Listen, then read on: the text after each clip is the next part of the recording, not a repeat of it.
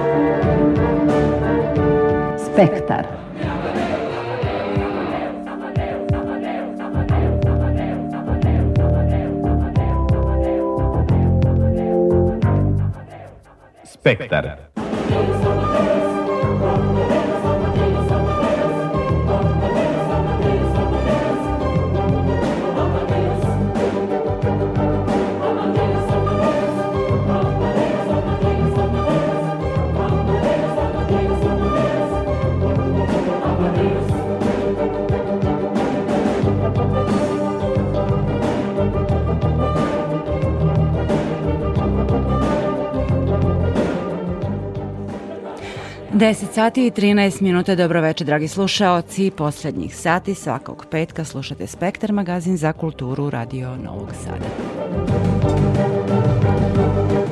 I u večerašnjoj emisiji Sterijanci su zaslužili da im se posveti najveći deo. Predstavljamo dobitnike Sterijenih nagrada 68. pozorja. A od ostalih vesti večeras nudimo novu premijeru u pozorištu Deže Kostolanji, šesti Sofa festival i prvi festival u opoziciji u kulturnom centru Lab, ovo u Novom Sadu i jedan zvučni zapis sa svečane dodele zlatnog pečata Jugoslovenske kinoteke. No, pre svega toga, nove informacije sa radnog sastanka ministarke Maja Gojković i predstavnika nezavisne kulturne scene Srbije. O čemu je u razgovoru bilo reči, čućemo u večerašnjoj emisiji. Ja sam Aleksandra Rajić, Spektar. Na prvom programu radija slušate narednih sat i po.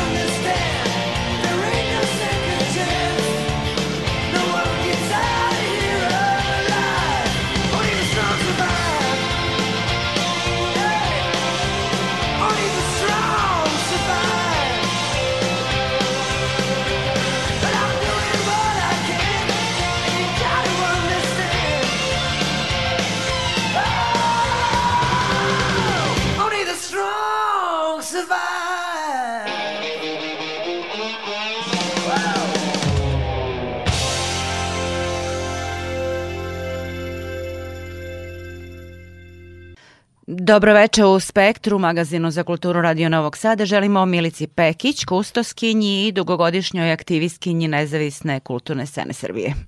Dobroveče. E, Milice, povod za ovaj razgovor jeste protest povodom konkursa za sufinansiranje vaših projekata nezavisne kulturne scene. E, čitali smo u medijima, problematične su bile i konkursne procedure, rokovi, netransparentnosti, a izneli ste i podatke da je evo uprkost e, većem budžetu ove godine za kulturu novca za nezavisnu produkciju manje. Umeđu vremenu, a to je evo nova vest, danas ste se sastali sa ministarkom Majom Gojković. E, dakle, molila bi vas ukratko u čemu je problem i o čemu ste razgovarali? Probleme smo skretili pažnju već duži niz uh, meseci i godina. Čitave prošle godine smo vodili kampanju za dostojanstven rad u kulturi koja se ticala konkursnih procedura, kalendara, raspisivanja konkursa i svih drugih nekih nepravilnosti koje smo učavali u radu ministarstva tokom godina. Kad smo objavili poziv i proglas vezano za rezultate konkursa koji su nedavno objavljeni na sajtu ministarstva i poziv za protestni otvoreni forum ispred Ministarstva kulture, dan nakon toga nam je stigao i poziv za sastanak.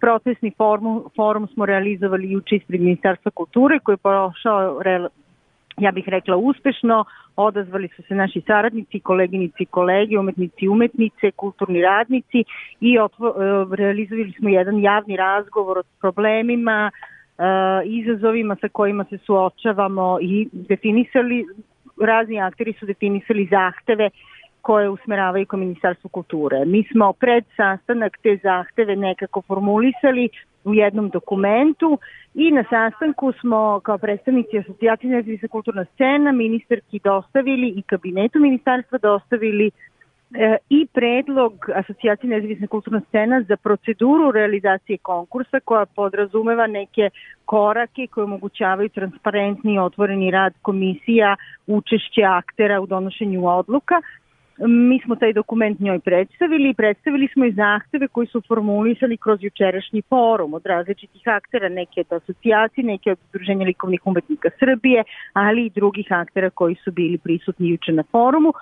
U tom dokumentu smo te zahteve predstavili, kroz razgovor smo ih dodatno obrazložili i e, zaključak sastanka je tražili smo da dobijemo pismeni odgovor i komentare na sve upućene zahteve kao i na konkursnu proceduru i nakon to kad dobijemo ovaj, te pismene komentare i odgovore, da onda vidimo i šta bi bili sledeći koraci u implementaciji rešenja. Kad budemo dobili pismene zahtjeve od strane Ministarstva kulture, mi ćemo ih javno objaviti, kao što ćemo i danas, u pro, ja mislim da je već sad u procesu objavljivanja saopštenja sa tog sastanka, u okviru koga ćemo objaviti dokumente koje smo im dostavili, a kad dobijemo odgovore na dokumente objavit ćemo i njih, tako da čitav proces komunikaciji sa Ministarstvom kulture bude transparentan, javni i otvoren da bi drugi akteri znali o čemu se govorilo i e, šta su zaključici. E, ja ne znam kakvi su naravno vaši načini rada, ali rekla bih da vaš kapacitet za protest sigurno nije tako intenzivan kao nekih drugih organizacija, a s druge strane neretko taj mali e, budžet i nedovoljni koji do, ovaj, donosite jeste zapravo jedini instrument kulturne politike prema nezavisnoj kulturnoj sceni. Dakle, gde očekujete eventualno da se možete naći i razgovarati? Pa mi očekujemo prvenstveno da ti predlozi e, konkursnih procedura koji uključuju predloge za članova komisije od strane svih aktera u kulturi koji uključuje transparentan i odgovoran rad komisija, ocenjivanje svakog projekata po, po projekta koji se prijavio po kriterijumima, e, objavljivanje rezultata u formi rang liste sa bodovnim statusom svakog projekta, traženim i odobrenim iznosom, adekvatnim obrazloženjem komisije i kratkim opisom projekta, da bi mi znali zašto su neki projekti bili uspešno ocenjeni, šta je bilo pogrešno kod onih aplikacija i projekata koji su bili odbijeni, da bi ljudi koji konkurišu na konkurse ministarstva mogli da unaprede svoje prijave i u sledećoj godini da a, da, budu prosto uspešni. prilagode, tačno, prosto prilagode zahtevima konkursa. Ono što je nama najvažnije jeste jedan transparentni i otvoreni rad koji se tiče distribucije javnih sredstava i učešće svih aktera u procesu donošenja odluka. Kroz razgovor, kroz dijalog, vidjet ćete u tom saopštenju koje ćemo objaviti, govorili smo, bilo je reći o otpisu dugova samostalnih umetnika, o ateljejima umetničkim, o nacionalnim penzijama, bilo je reći o otpisima poreza za umetnike za nabavku da. njihovog materijala za rad. Bilo je reći o mislim raznim aspektima i raznim problemima sa da, kojima zapravo, se mnogo su se... u sistem. Mnoga su se yes. udruženja tu našla oko vaših zahteva, to je i naravno zavremena plesna scena koja je nekako to započela tu priču ovaj, u maju mesecu. Pridružilo vam se i udruženje likovnih umetnika Srbije. Yes. Savez udruženja likovnih umetnika Jugoslavije, a onda na samom licu mesta su bili predsednici različitih aktera, čak i naši kolegi iz institucija.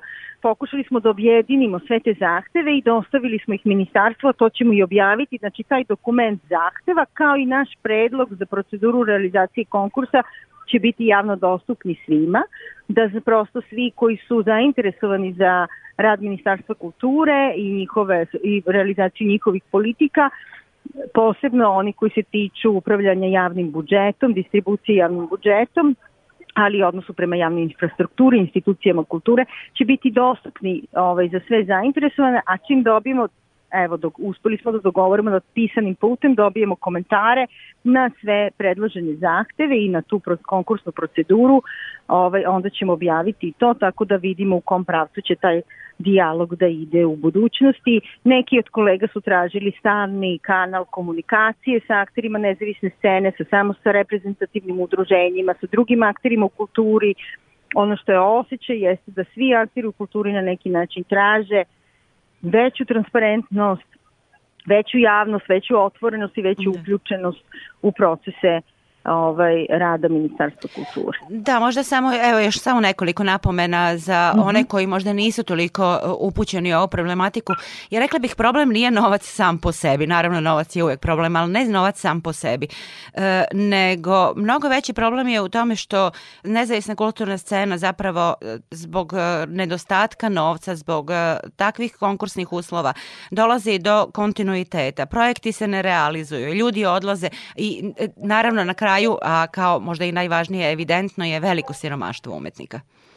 Pa mi smo tražili jedan od zahteva koji ćete vidjeti u tom dokumentu i jeste da se konačno obezbedi taj minimum od 1% od budžeta za kulturu od ukupnog javnog budžeta Republike Srbije što zaista mislimo da je minimum minimuma za, neku, za mogućnost dostojanstvenog rada, ali i sa tim procentom, ako nema transparentnosti u radu, neće se mnogo stvari promeniti, ali ono što, na čemu insistiramo je upravo procedure, transparentnost u radu, zapisnici rada komisija, bodovni status i svih projekata, od javnu komunikaciju i komisija i e, kabineta ministarke i svih zaposlenih u ministarstvu sa, sa scenom, odnosno sa sektorom koji treba da servisiraju i čije potrebe treba da traže način ovaj, da nekako zadovolje. Hvala vam na ovim informacijama. Mi ćemo nastaviti da pratimo ono što se dešava i, i e, nastavak tog vašeg dijaloga. Hvala vama na interesovanju. Poštovani slušalci, moja sagovornica bila je Milica Pekić iz Nezavisne kulturne scene Srbije.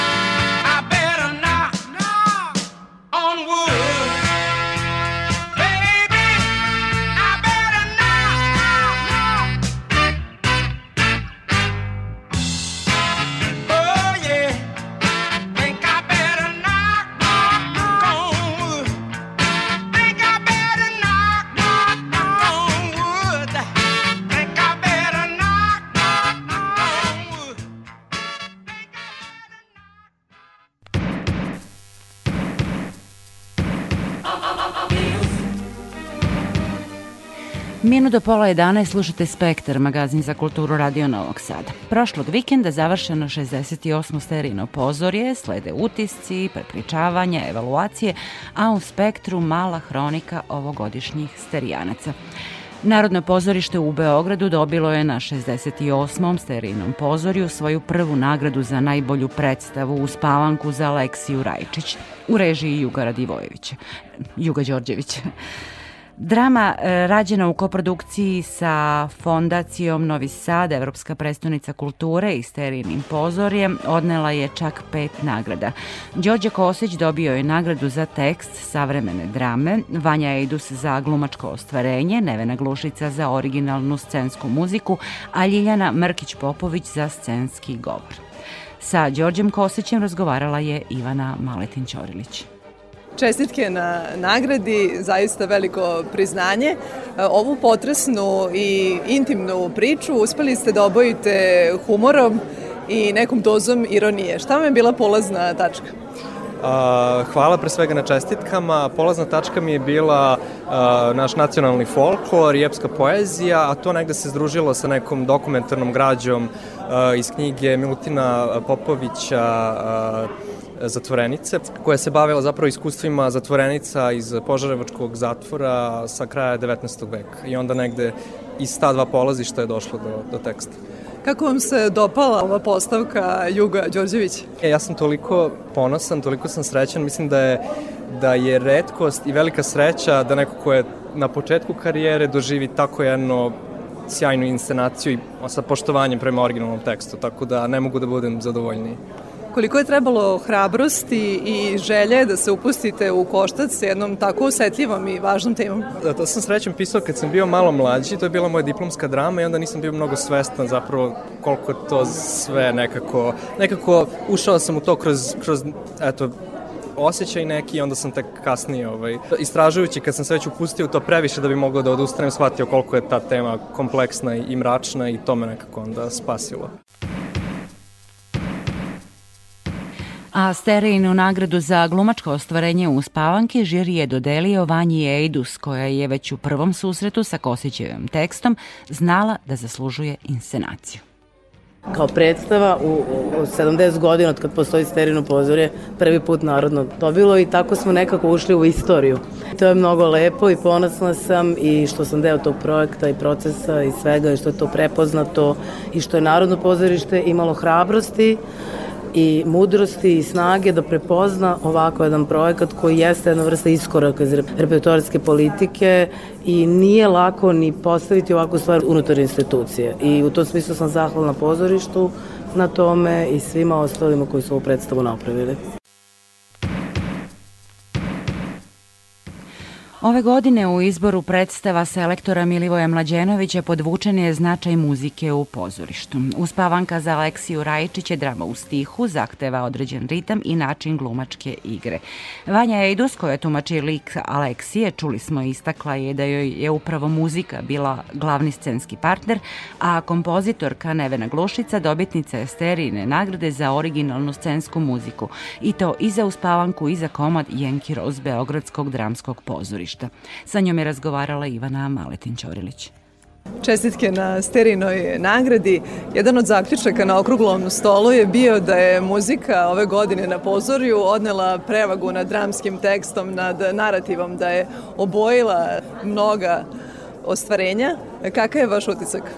Hvala, hvala na čestitkam.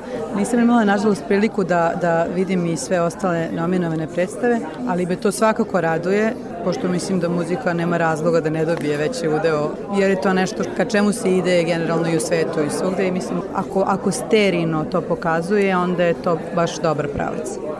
Šta je obeležilo rad na ove dve predstave Yankee Rose i Uspavanka za Aleksiju Rajčić? Pretpostavljam da su u pitanju dva potpuno različita procesa zbog samog žanra. Tako je. Drugačiji pristupi, uopšte muzički, e, drugi koncepti, ali ono što je isto je živa muzika, živi muzičari koji na sceni imaju zadatke koji su mnogo više od same muzike. Nešto se u tome dobilo u obe predstave što je stvarno, ja mislim, nesvakidašnje i to je neka nova, nova živost, e, kao neka nova dimenzija koja se otvara. To, je, mislim, to se desilo na neki način slučajno, ali prosto se odnosi na ove predstave. Kako dolazi do te simbioze muzike i dramske igre i na čemu insistirate prilikom rada sa glumcima i sa operskim pevačima?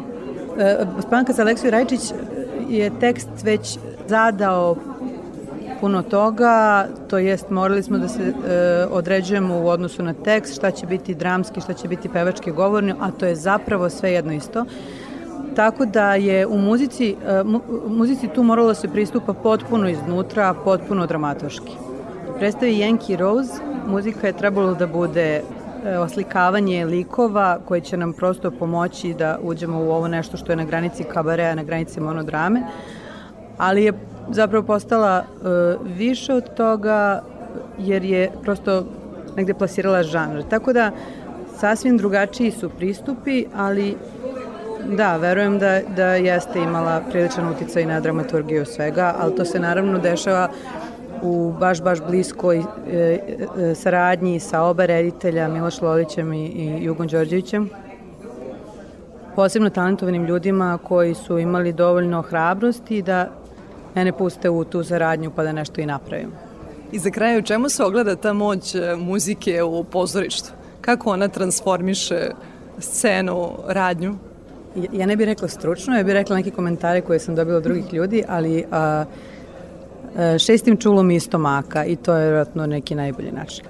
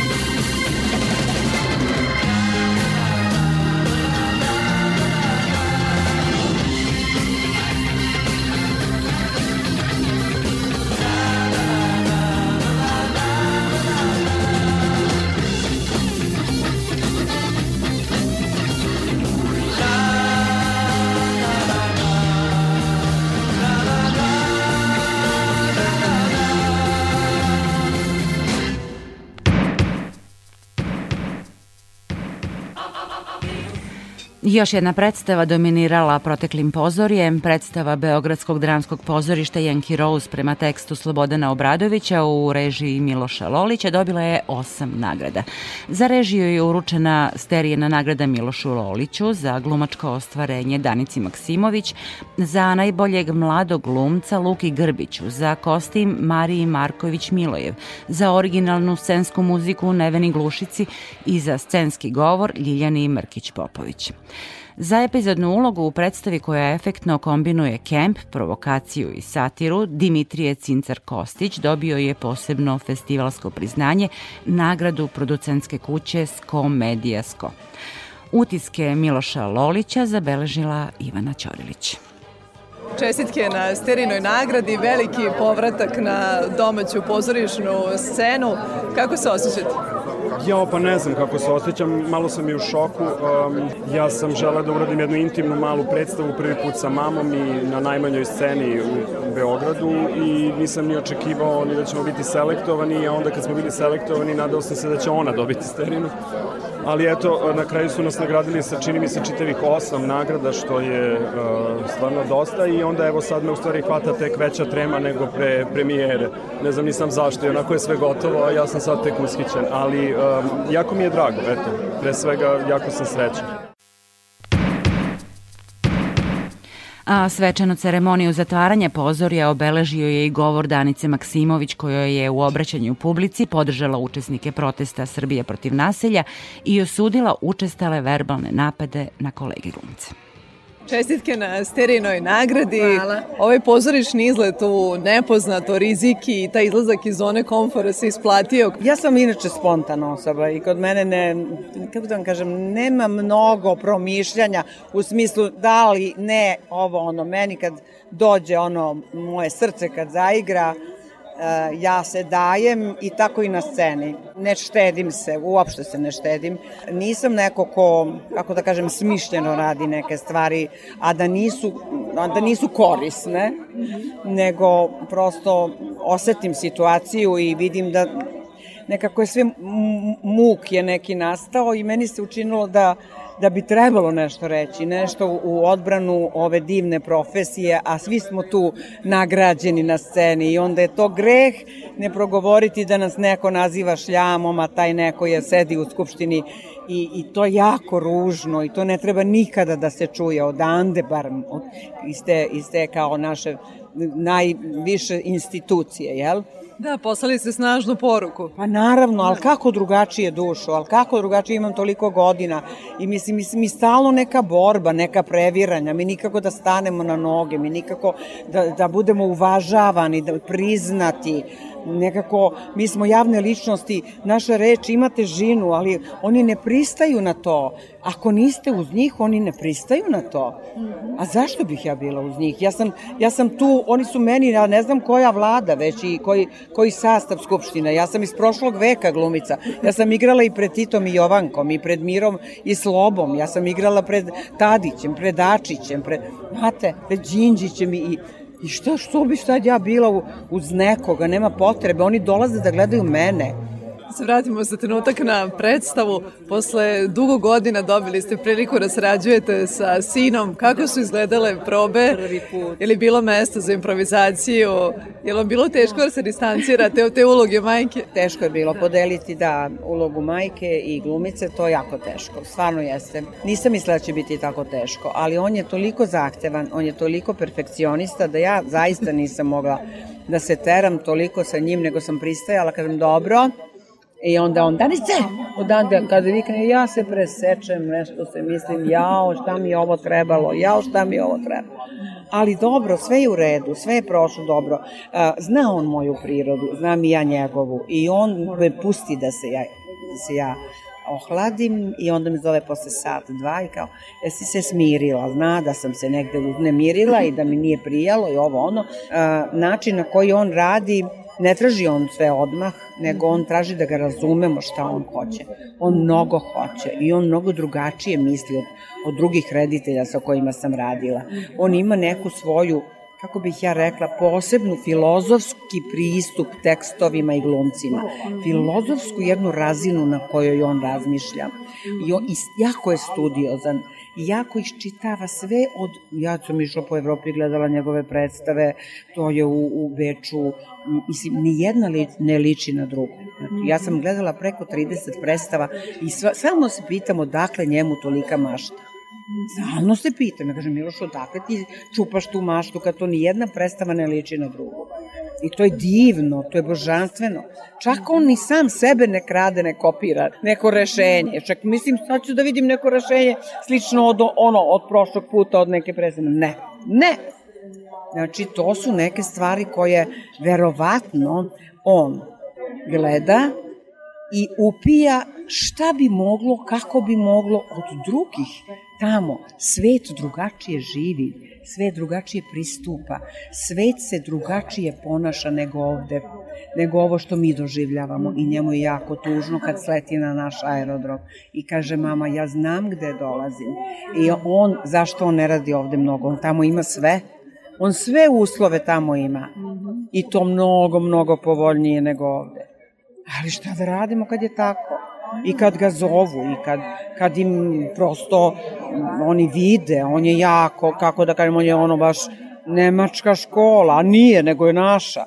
Nego je on video šta oni cene, šta poštuju, šta oni vrednuju, kako on radi, kako je on prilježan, kako on disciplinu drži, kako glumci kod njega, to nema, sve na jedan. I svi sede ovako i čekaju, neverovatno, otvorenih i ušiju i očiju, samo da on nešto potraži od njih. Koliko vam je bliska bila ta glavna junakinja Ili ste mogli da se poistovetite sa njom na tom umetničkom nivou sa toliko godina iskustva? Pa jeste, da, da, da. Pa bliska mi je bila, ja sam ja radila, ja dugo godina radim u mjuziklima i vrlo sličnih je tako nekih uloga bilo, mada sam ja čitala ovaj, Anne Nicole Smith dosta, Čak je Miloš donosio i neke slike iz njenog života i, i kako je izgledao taj njen milioner i dete i ovaj, kako ga ona drži u, u, u naručju kada, kada je on baš kad je preminuo, da, baš onako jedna strašna slika.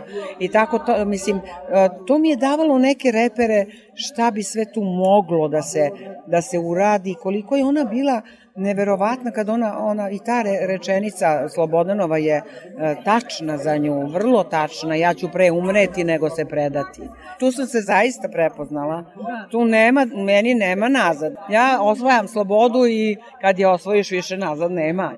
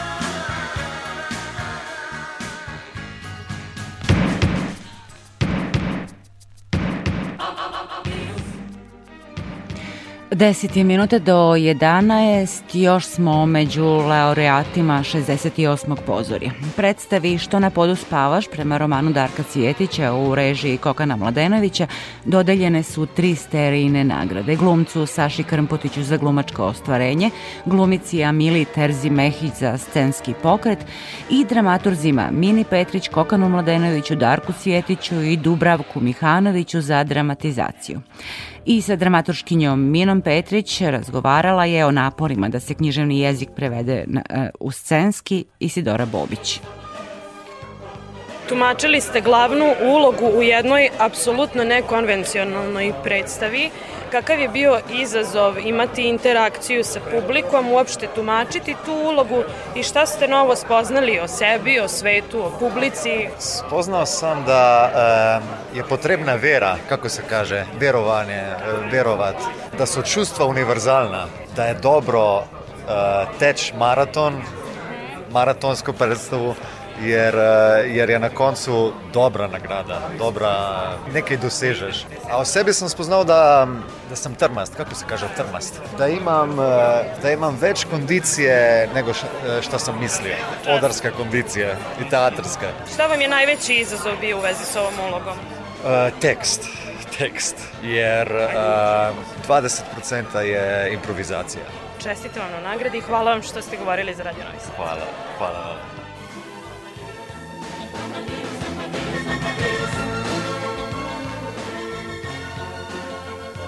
No ipak bio je to Matija Rupel koji je Sterinu nagradu za glumačko ostvarenje dobio za ulogu klovna u predstavi 52 Hz izvedenoj prema tekstu Tijane Grumić u režiji Mojce Madon i u izvedbi Slovenskog narodnog gledališća. E sada slušamo Minu Petrić, dramaturškinju predstave Što na podu spavaš. Pretpostavljam da je bilo vrlo kompleksno i izazovno učestvovati na ovako jednom projektu koji je jedan ozbiljan timski rad, timski poduhvat. Kako je izgledala ta saradnja, koliko ste se saglašavali, a koliko ste možda imali različite mišljenja u vezi sa procesom dramatizacije teksta Darka Cvjetića? A, ovo je projekat koji je pre svega zahtevao jednu ogromnu odgovornost u samom pristupu U njemu učestvuju tri pozorišta iz tri ex-ju države, svaki sa svojim ansamblom. Naš proces rada tekao je ne tako što smo prvo radili dramatizaciju, već smo radili improvizacije, pričali, čitali roman, puno o njemu razgovarali, puno se sa njim igrali, puno radili sa Darkom na materijalu iz kog je roman nastao, koji je njegov biografski, autobiografska priča. Tako da je dramatizacija ovog romana u stvari u najlepšem smislu kolektivni rad. Mi smo morali da nismo morali, to je pogrešna reč, mi smo prosto odmah smo se negde osetili, zavoleli i e, pronašli u, u Darkovom tekstu i onda s najvećom ljubavlju pristupili eto postavljanju tog teksta na scenu.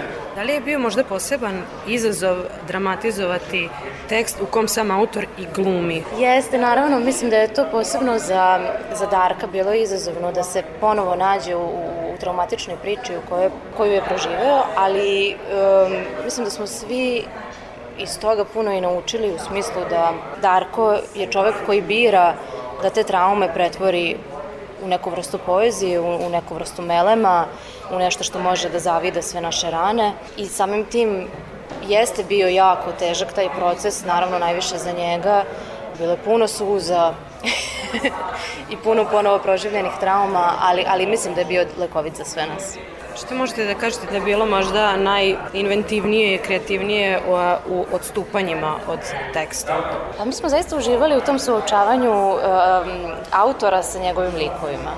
I puno smo tome radili kroz improvizacije i dalje kroz pisanje scena, jer su se tu u stvari u, u tom susretu različitih ansambala i Darkovog originalnog teksta rađale neke divne sumanute stvari koje su bile tako i tragične i nekada i komične i, i svi smo puno uživali u tom procesu.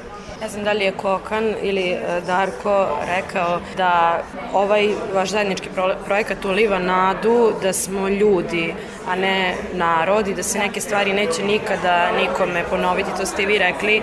Da li čvrsto verujete u to ili je to samo neka prosto nada? Je li vera ili je nada? Da li je vera ili je nada? Pa, ja verujem u, u dužnost umetnosti da pravi ovakve projekte koji, koji mogu da probude nadu u ljudima. Eto.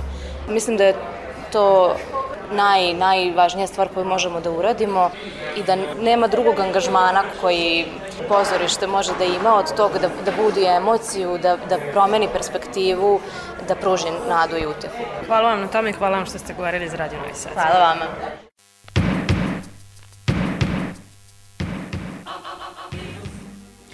Još jedna sterijanska nagrada za scenografsko ostvarenje i koautorstvo scenskog prostora pripala je Urši Vidić za predstavu 52 Hz Slovenskog narodnog gledališća i još jednom Isidora Bobić koja je sa Uršom Vidić razgovarala o svakidašnjem scenografskom poduhvatu koji počiva na brojnim postmodernim poigravanjima idejom prostora. Pošto je reč o jednoj veoma nekonvencionalnoj predstavi, formalno, stilski, u svakom smislu, smislu izvedbe, koliko je bio zahtevan zadatak na taj način koristiti prostor e, i koliko je to bila stvar saradnje vas i reditelja, koliko vaše lične intencije, možemo li da otkrijemo slušacima nešto više o tom procesu? Ako krenemo od početka, meni je bilo nekako teško pristupiti ovom projektu jer u tekstu nema prostora, ali uh, ima puno neke metafore u prostorima kao nebo i more, universe, ocean i ima kao prostor neke porodnice, ima prostor bolnice, ali ništa nije definirano. Tako da ne možeš pristupiti u ovom projektu kao neki realistički prostor. Više je poetski, metaforični. Onda sam ja razmišljala kako bi te kontraste koji su nebo i more spojila skupa u jedan prostor i zato sam se igrala sa idejom mikro i makro, sa blizinom i sa nešto što je, što je daleko. I to sam poskuš, pokušavala spojiti u ovom cijelom prostoru, tako da zato ljudi sedu na publiki, na bini, bini. Sa, sa glumcima veoma blizu i onda u, dje, u drugom dijelu odaljuju se, sede na stolima, a gledaju glumce na bini. Tako da se stalno igramo sa ovim bliže, dalno i tako. I imate neke ove male kućice koje asociraju na pogled od zgora, pogled od daleko, a imamo close-up od stana koji je kao neki realistički ilustracija, realistička ilustracija. I što je bio uh, uh, challenge tu, Aha, izazov veliki. izazov tu. Došli smo jedan put prije da pogledamo cijeli prostor, kako da možemo a, cijelo ovo potovanje od vani pa unutra da pretvorimo. To je bio neki izazov ovako, kako prilagoditi prostor iz Nove Gorice u, u Novi Sad, Novosadskom pozorištu ljudi često asocijacije na pozorište imaju odmah glumce i reditelje, a možda malo ređe scenografe. U tom procesu saradnje reditelja i scenografa, kolika je sloboda scenografa? Konkretno u ovoj predstavi to je vrlo uh, teamwork Uh, ništa se ne desi samo u mojoj glavi i onda ja to predložim i to se onda kupi i radi i mislim vrlo je intenzivan proces bio između mene, rediteljke i dramaturga, tako da smo skupa uh, maštali šta bi bilo najbolje i ove neke odluke o obrnutih pogledih i to, to smo nekako tekom procesa uh, radili, tako da... Je, je bilo toga u metaforičkom sloju u tekstu, tih obrnutih perspektiva ili je to... Stalno u tekstu se poigrava sa, imamo kita koji govori iz okeana, imamo astronauta koji govori iz uh, svemira i imamo porodnica koja je na zemlji i tako, mislim, to, to je ova metaforička uh, podstat ovog teksta. A sve ostalo, mislim, kako da to pretvoriš u prostor, to je sve samo neka kreativna domišljija koju nastane. Na, na kojoj vam čestitamo od srca kao i na nagradi, još samo da čujemo da li je a, ovakav stil postavljanja scenografije donekle tipičan za vašu umetnost kao scenografa ili je bilo i za vas otkriće da ovako nešto izvedete? Vrlo rada radim na ovakav način kao site specific, pa da nije uvijek samo na bini, pa da nije scena samo neka ilustracija nekog prostora koji ga je napisao, opisao tekstopisac, nego više me zanima prostor kao iskustvo i ja radim puno sa Nino Rajić Kranjac, radimo puno ovako site-specific projekt kata, tako da to meni nije bio prvi izazov ovakav. Već sam radila puno na ovakvim prostorima. Nadamo se da će ih biti još i da će se završiti ovako uspešno. Hvala vam što ste govorili za Radio Novi Sad. Hvala vama.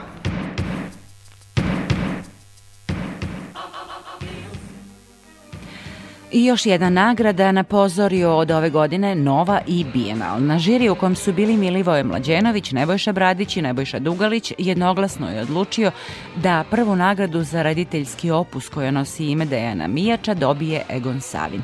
Nagradu dodeljuje Udruženje dramskih umetnika Srbije i Sterino Pozorje. Preznanje reditelju uručio predsjednik žirija i selektor Pozorja Milivoje Mlađenović. Slika sveta koju je u svojim predstavama stvarao Dejan Mijač, njeno značajnsko i stilsko pomeranje u odnosu na izvorni kontekst nacionalne dramske klasike, ima svog najcelovitijeg, najdoslednijeg analitičara i komentatora u predstavama Egona Savina. Koncentrisane u živ, uzbudljiv i moderni rediteljski opus, predstave Egona Savina također su prepoznatljive po radikalnom zaokretu u tumačenju nacionalne, ali i svetske dramske klasike – Jovana Sterije Popovića, Branislava Nušića, Šekspira, Molijera, Čehova, Ostrovskog, kao i u pristupu delima savremenih domaćih pisaca Aleksandra Popovića, Dušana Kovačevića, Ljubomira Simovića, Nebojše Romčevića, a neretko i sasvim mladih neafirmističnih pisaca i savremenih svetskih dramskih autora. Predstave Egona Savina, kao i predstave njegovog profesora, a potom i saradnika Dejana Mijača, otvarale su nove perspektive srpskom teatru i snažno uticale na njegovu pripadnost evropskom okviru teatra. Posvećenički, višedecenijski, pedagoški angažman na Fakultetu dramskih umetnosti dodaje ličnosti Egona Savina svojstvo onog plemenitog uticaja učitelj-učenik, čiji dejstvo unapređuje umetnost i kulturu jedne nacije. Čestitamo! Hvala, hvala, dirljivo dirljivo za mene nagrada koja nosi ime mog profesora, dugogodišnjeg saradnika i čovjeka s kojim sam se kroz godine zbližio. Pre mnogo godina u Novom Sadu gledao sam e, pokondiranu tikvu sa ushićenjem. I tad sam pomislio kako je, kako je to veličanstveno kad reditelju predstavi pronađe svoju dušu puno godina posle, kad sam uradio Kirjanju u Narodnom pozorištu u Beogradu, Dejan mi je rekao tu istu rečenicu. Bilo je zaista uzbudljivo i važno živeti u pozorištu sa uzajamnim uvažavanjem i divljenjem. Takav odnos smo imali Dejan Mijač i ja. Važna je ova nagrada. Važno je što je uspostavljena da otrgnemo od zaborava, da ispunimo prazninu, e, prazninu zaborava, da se sećamo svojih velikana koji, a Dejan Mijač je bio sigurno jedan od najvećih u srpskom pozorištu. Hvala vam još jednom.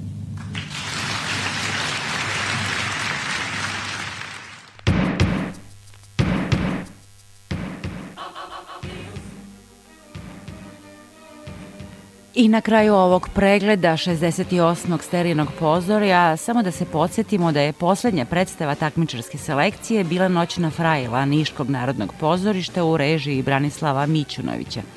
Noćna frajla jedan je od najmanje igranih komada pisca Aleksandra Popovića.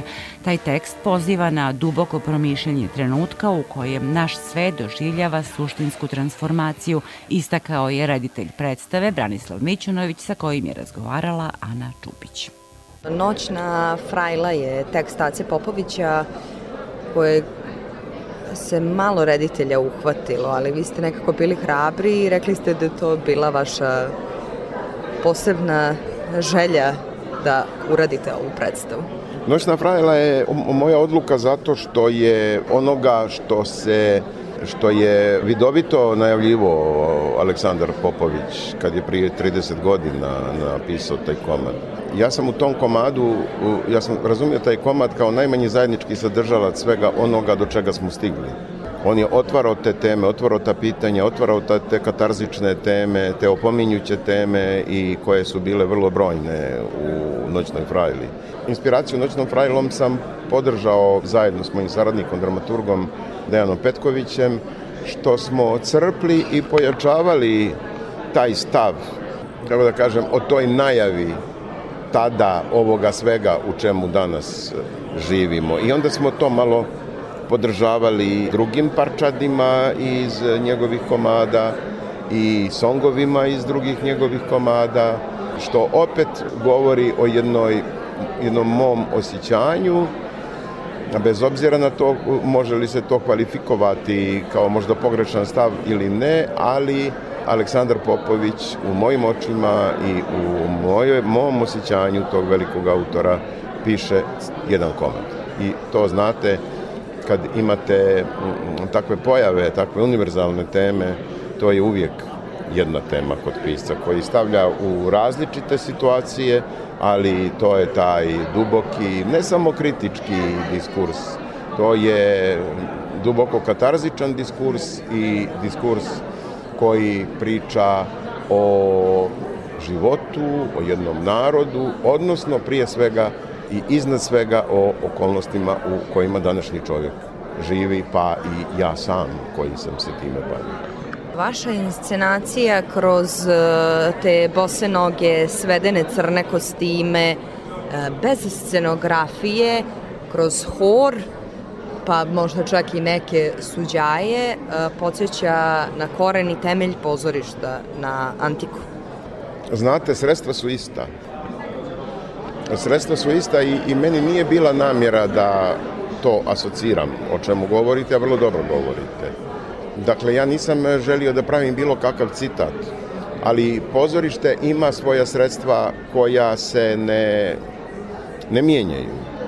Ja sam u jednoj prilici, pričajući studentima glume, rekao, znate, cijela ta tehnologija koja je smišljena u poslednjim decenijama, kad možete da projektujete ljude u vazduhu i tako dalje, ne mora da bude podrška pozorišta.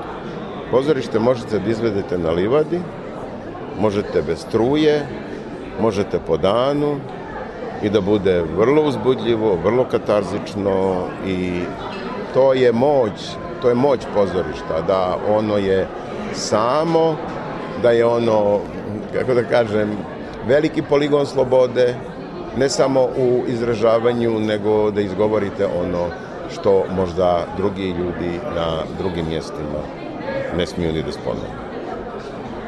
Hvala vam najlepše što ste govorili za naš radio.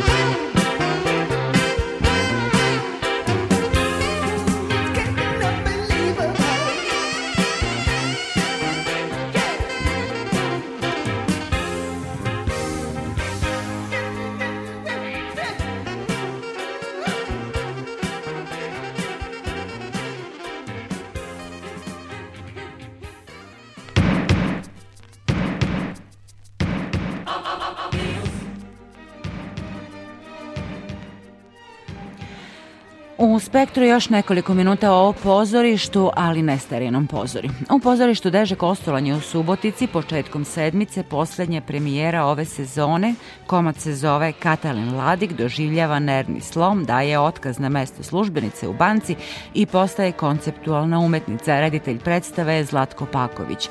Ovim naslovom želeo je, kako kaže, da obuhvati tri ključna momenta za istinsku umetničku egzistenciju.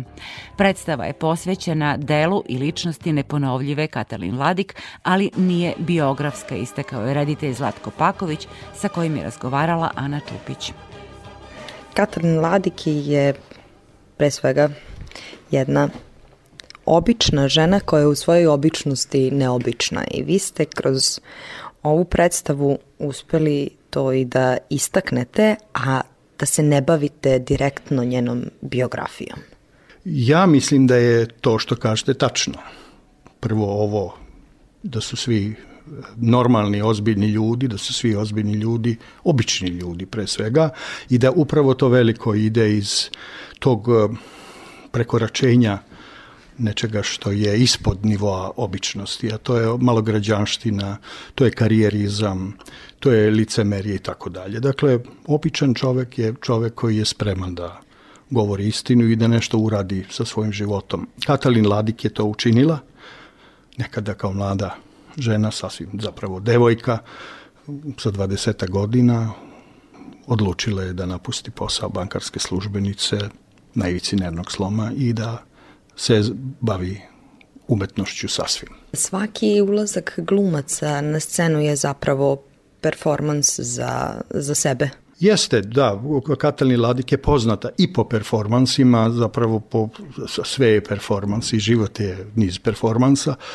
Dakle, umetničkim performansima i, i da, ja, nadahnuta je predstava određenim upravo performansima, ali ne kao imitacije, nego upravo kao inspi, inspirisani su ti performansi nekim od vidova njenih performansa.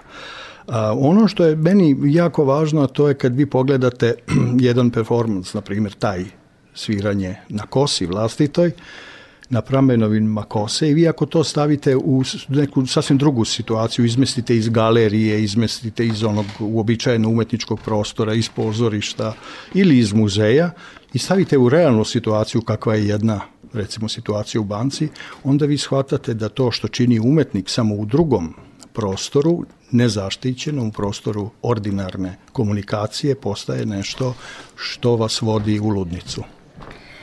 Jedna od e, značajnijih replika po meni bar u ovoj e, predstavi je starimo od ravnodušnosti prema svom snu. Evo, jeste, na tu temu. Jeste, to je, to je e, citat ili blaga parafraza Bretonove misli iz manifesta nadrealizma, ima nekoliko bitnih e, momenata u evropskoj misli, u evropskoj poetici savremenoj, dakle u modernoj zapravo, početkom 20. veka, to su i dadaizam i nadrealizam, kao inspiracije samo i Katalni Ladik. Zato je fundirana predstava i, i tim i određene slike su izašle upravo iz poetike nadrealizma. I e, još jedno pitanje za kraj više puta kroz predstavu se pom, kreće da tako kažem, rečenica show must stop. Zašto? Pa ako hoćete da nešto se promeni zapravo i u vlastitom životu i u društvu, onda prvo mora da stane. To je osnovno. Ako jedna bankarska službenica reši da se posveti umetnosti, postoji taj trenutak između te dve to, od ta dva momenta, momenta u kojem ste vi jedna službenica i momenta u kojem ste zapravo um, umetnica, a taj moment se zove odluka. Odluka je zapravo zaustavljanje, odluka je zapravo preokret, jer uh, suprotno naravno ovom show must stop je show must go on, jer je to um, deviza uh, i pozorišta koje nas okružuje i u kojem učestvujemo, ali i sveta u kojem učestvujemo. Dakle, nikad show nestaje ređaju se prizori mrtvih, prizori ubijenih, prizori zatucanih, prizori obespravljenih, prizori gladnih, zatim prizori bogatih e, i tako dalje, tako dalje, show, ali mora, da bi se nešto promenilo, zaista prvo mora postojati ta pukotina, ta odluka da se stane sa svim tim. To je bio veliki pokret dadaizma, usred rata Prvog svetskog, to je bio veliki pokret nadrealizma i tako dalje. Svi veliki umetnički pokreti su upravo veliki društveni pokreti. Hvala vam najlepše što ste govorili za naš radio.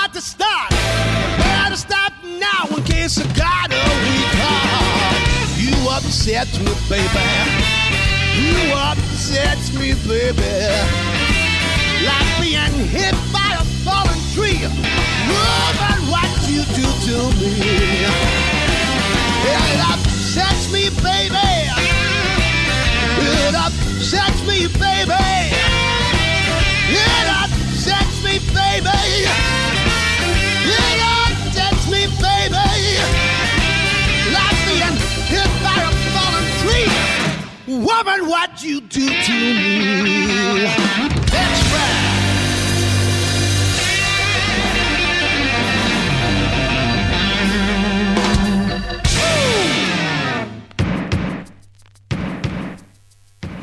Spektru večeras i dve novosadske teme. Novosadska knjižara Bulevar Buksi, plato ispred nje, prostori su gde se od srede održava Sofa festival ove godine šesti put.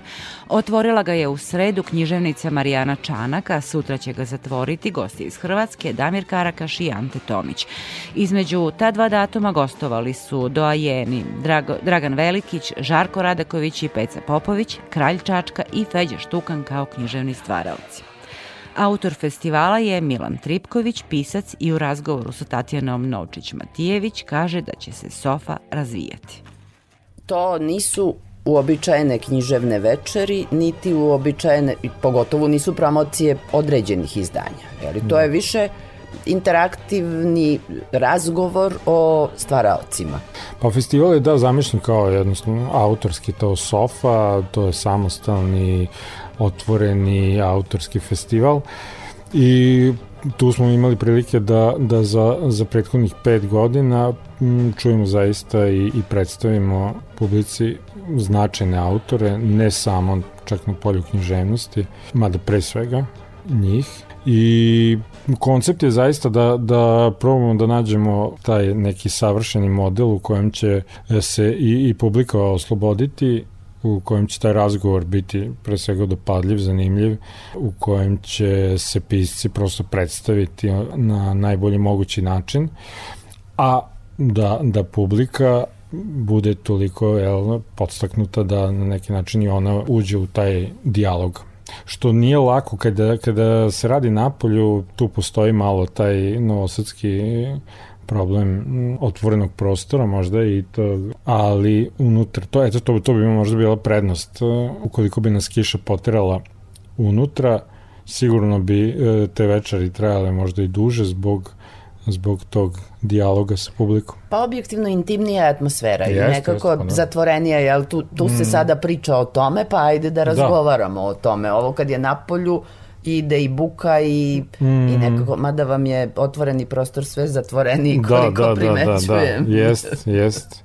Da, mi smo sad, sad i zamislili, imali smo nedavno Tomaša, Marka Tomaša, i, i dobro je to ispalo, mislim, nekako ovaj, smo dislocirali malo, pomerili čak prema bulevaru, odnosno kolovozu, tako da ovaj, lepo je to zanimljivo bilo. Gotovo je pravilo da uvek i dođu autori iz regiona koji ne pripadaju srpskoj književnosti, ali su intenzivno prisutni među srpskim čitaocima. Yes. I-. Pisci našeg jezika, ja bih Aha, rekao, aha. da, zajedničkog jezika. Pa da, mislim, prošle godine smo prvi put zapravo imali čak i, i gostovanje jednog stranog autora, to je bio Ingo Šulce, dragi Ingo, iz Nemačke i nadam se da će u budućnosti takođe praksa biti da dovodimo i neka značajna imena iz iz eh, sveta jel, evropske i možda čak i svetske literature. Ali da, ov, svake godine imamo, imamo neko značajno ime iz, eh, iz Komšiluka. Prošle godine je to svako bio zvezda Boris Dežulović koji je, mislim, srušio sve rekorde u poseti.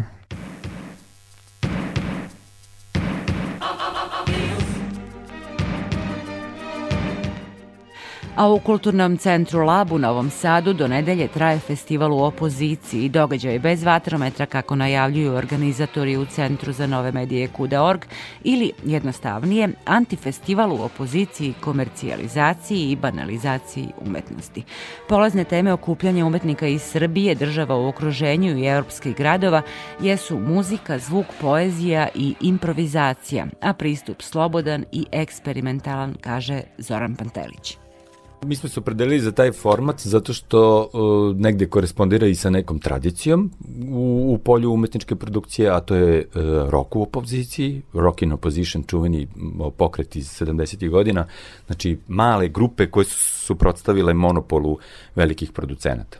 Naravno, kontekst posle 40-50 godina kasnije je daleko drugačiji, ali smo mi pronašli neku sponu, ne, na neki način prenesenu u novu ekonomiju u kojoj se nalazimo, to je pre svega prekarni život umetnika, borba za svoje slobodno vreme, borba generalno za, za eksperimentisanje i, i, i rad. I u tom smislu smo uh, upotrebili tu kovanicu i igru reči. O, ovo sve što radimo je zapravo sve, samo nije festival, ali ga zato i nazivamo festivalom u opoziciji koji je pre svega usmeren na okupljanje umetnika iz različitih disciplina i da u svojoj međusaradnji stvaraju i sebi omoguće prostor za nove koncepte.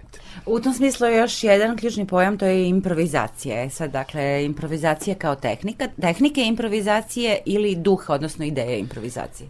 Dobro primećeno, odnosno zapravo improvizacija u svakom obliku. Opet se vraćamo na, na paradigmu ovih 20 godina koja je zapravo pojačanom tehnokratskom ono, pozicijom i razvojem tehnologije izvršila taj pritisak da se zapravo mora biti ekspeditivan, mora se biti vrlo ono direktan i u što kraćem periodu doći do rezultata.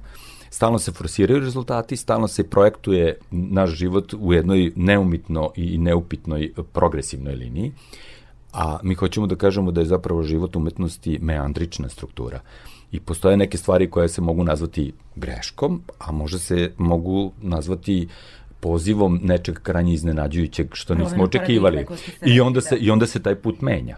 E, ovaj vid pritiska kroz tehnološku realnost zapravo onemogućava zapravo zaustavljanja, šetanja, tumaranja, eksperimentisanja i tako dalje i to je ono što mi zapravo pokušavamo sa našim e, drugarima, saradnicima, partnerima da omogućimo neko vreme u kojem ćemo moći napriti neku malu reviziju. E, improvizaciju mi posmatramo kao jedan vid kolektivnog stvaralaštva. Improvizacija kao mesto pažljivog međusobnog slušanja. I nije ideja u poziciji improvizacije u kojem bismo trebali jedni drugi da impresioniramo, nego da pažljivim slušanjem zapravo odmah gradimo jednu novu tvorevinu. I u tom smislu kad smo, kad smo ušli u polje, znači s jedne strane nas taj organizacijani, odnosno kolaborativni proces rada zanima od samog početka kako smo krenuli sa našom idejom koju smo pratili kroz Novosadsku neoavangardu. Po prirodi stvari kad se kaže improvizacija misli se odmah na muzičku improvizaciju. Da. I to je na neki način upravo kao jaka metafora, mi smo se zapravo na taj način i uvukli i prislonili najviše na izvođače koji praktikuju improvizovanu muziku, ali je naša ambicija zapravo da se ode mnogo dalje od toga.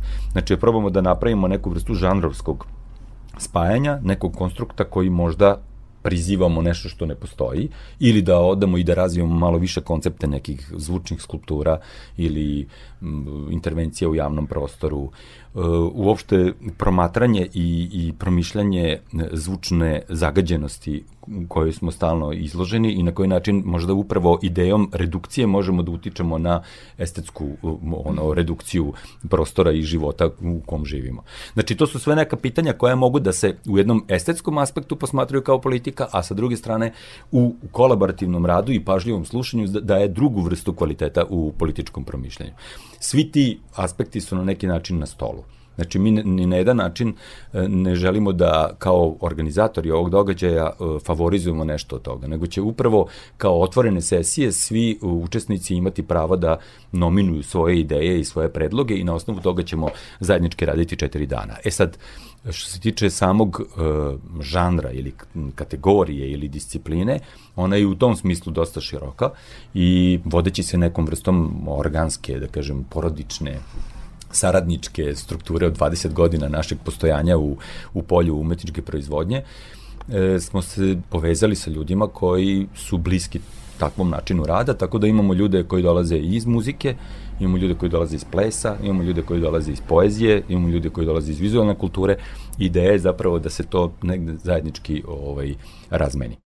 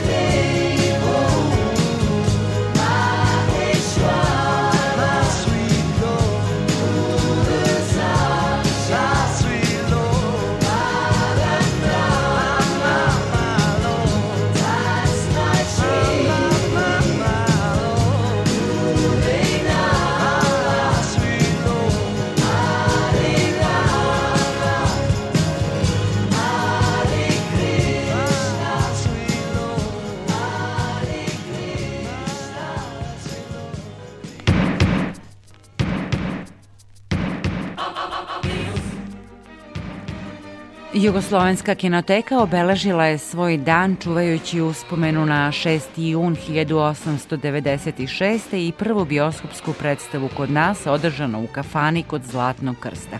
Svečano je otvoren i 25. festival nitratnog filma, a uručene su i nagrade Zlatni pečat Jugoslovenske kinoteke. Slušamo novinarku Radio Beograda Anu Vučković-Demičić. Popularna filmska, televizijska i pozorišna glumica Seka Sablić, nezaboravna Kristina u čuvenom filmu Maratonci trče počasni krug, pred kamerama je debitovala pre više od pola veka. Uloga Kristine donela joj je zlatnu arenu na festivalu u Puli, a šta joj znači zlatni pečat koji je danas primila? Ja se radujem ovom priznanju koje me dodelila Jugoslovenska kinoteka, jer mislim da ovakvi događaji pomažu da se vratimo u neko bolje vreme koje smo imali, koje nikad nije bilo dobro, sasvim, ali je bilo bolje. I ovakvi događaji pomažu da naš život ponovo normalnije poteče. Posebno sam dirnuta da se nalazim u ovakvom društvu dobitnika kao što su Žika Pavlović i gospodin Đorđe Kadijević, velikani jugoslovenskog filma, I naravno, opet ponavljam da sam ponosna da dobijam ovako vrhunsku nagradu, možda najveću koju je film i filmska kuća kao što je Jugoslovenska kinoteka može da dodeli. Zahvalna životu što stojim ovde i što mogu da primim ovu nagradu sa radošću koju imam u srcu ja ću tu radost priključiti svojoj ličnoj sreći. Onostrano, svet koji izmiče, horor i fantastika, dubina ljudske duše, hrabrost, elegancija, rafiniranost izraza, pojmovi su koje povezujemo sa rediteljem Đorđem Kadijevićem. Znam samo jednu stvar, da sam uvijek do daske dao sve što sam mogao, sve što sam imao. Sve sam dao jednoj mističnoj vrsti ljudske delatnosti koja se zove umetnost, a u umetnosti jednom mediju koji se zove film. I sad mogu da kažem da u dubokoj starosti, gledajući reprize svojih filmova, u stvari vidim da je to moj život. Ovo je život koji će uskoro prestati. Pravi koji ostaje i koji će trajati jeste taj koji je zabeležila filmska traka. Duboko zahvaljujem Jugoslovenskoj kinoteci, naročito zato što se zove Jugoslovenska kinoteka. Ja sam jugoslovenski reditelj.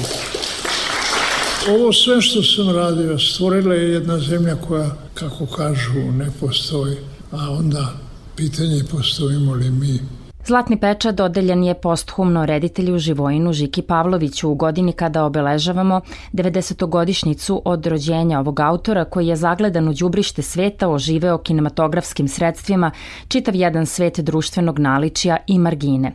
Nagradu je primila njegova ćerka i glumica Milena Pavlović. A i s obzirom da je 25 godina prošlo od Živojinove smrti, ove godine i 90 godina od njegovog rođenja, i s obzirom da njegovi filmovi govore o neslobodi, o izopačenim idejama političkim i društvenim, ova nagrada je na neki način simbol ovog vremena i njegovi filmovi bi mnogo mogli o tome da kažu ako ih neko ponovo pogleda ili bilo bi interesantno čuti šta bi Živojin sada rekao. Da li bi ušao u samu cenzuru kao mnogi od nas, ne verujem, Da li bi imao slobodu mišljenja i govora i stvaranja? Verujem da da. Tako da u tom smislu ova nagrada je došla u pravo vreme. Plaketa Jugoslovenske kinoteke dodeljena je i Upravi za odnose sa javnošću Ministarstva odbrane Republike Srbije. Oni su omogućili letnje projekcije filmskih klasika na terasi Doma vojske, što će se nastaviti i ove godine.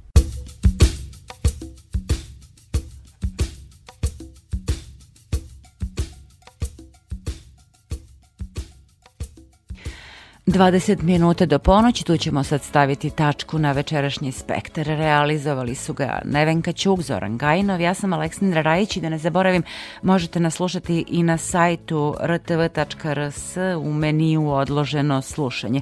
Želim vam prijatnu noć uz Radio Novi Sad. Čujemo se ponovo sledećeg petka, nekih dva sata pred ponoć. She hears only whispers of some quiet conversation. She's coming in 12:30 flight. The moonlit wings reflect the stars that guide me towards salvation. I stopped an old man along the way, hoping to find some old forgotten words or ancient to me as if to say, Hurry, boy, it's waiting there for you.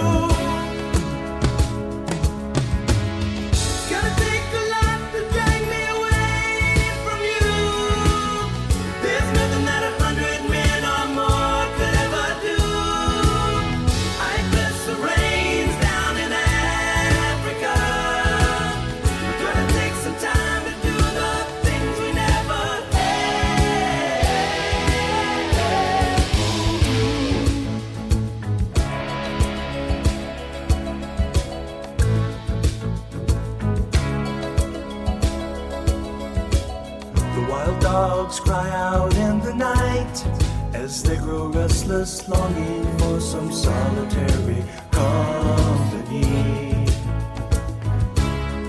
I know that I must do what's right, sure as Kilimanjaro rises like Olympus above the Serengeti. I seek to cure what's deep inside, frightened of this thing that I've become.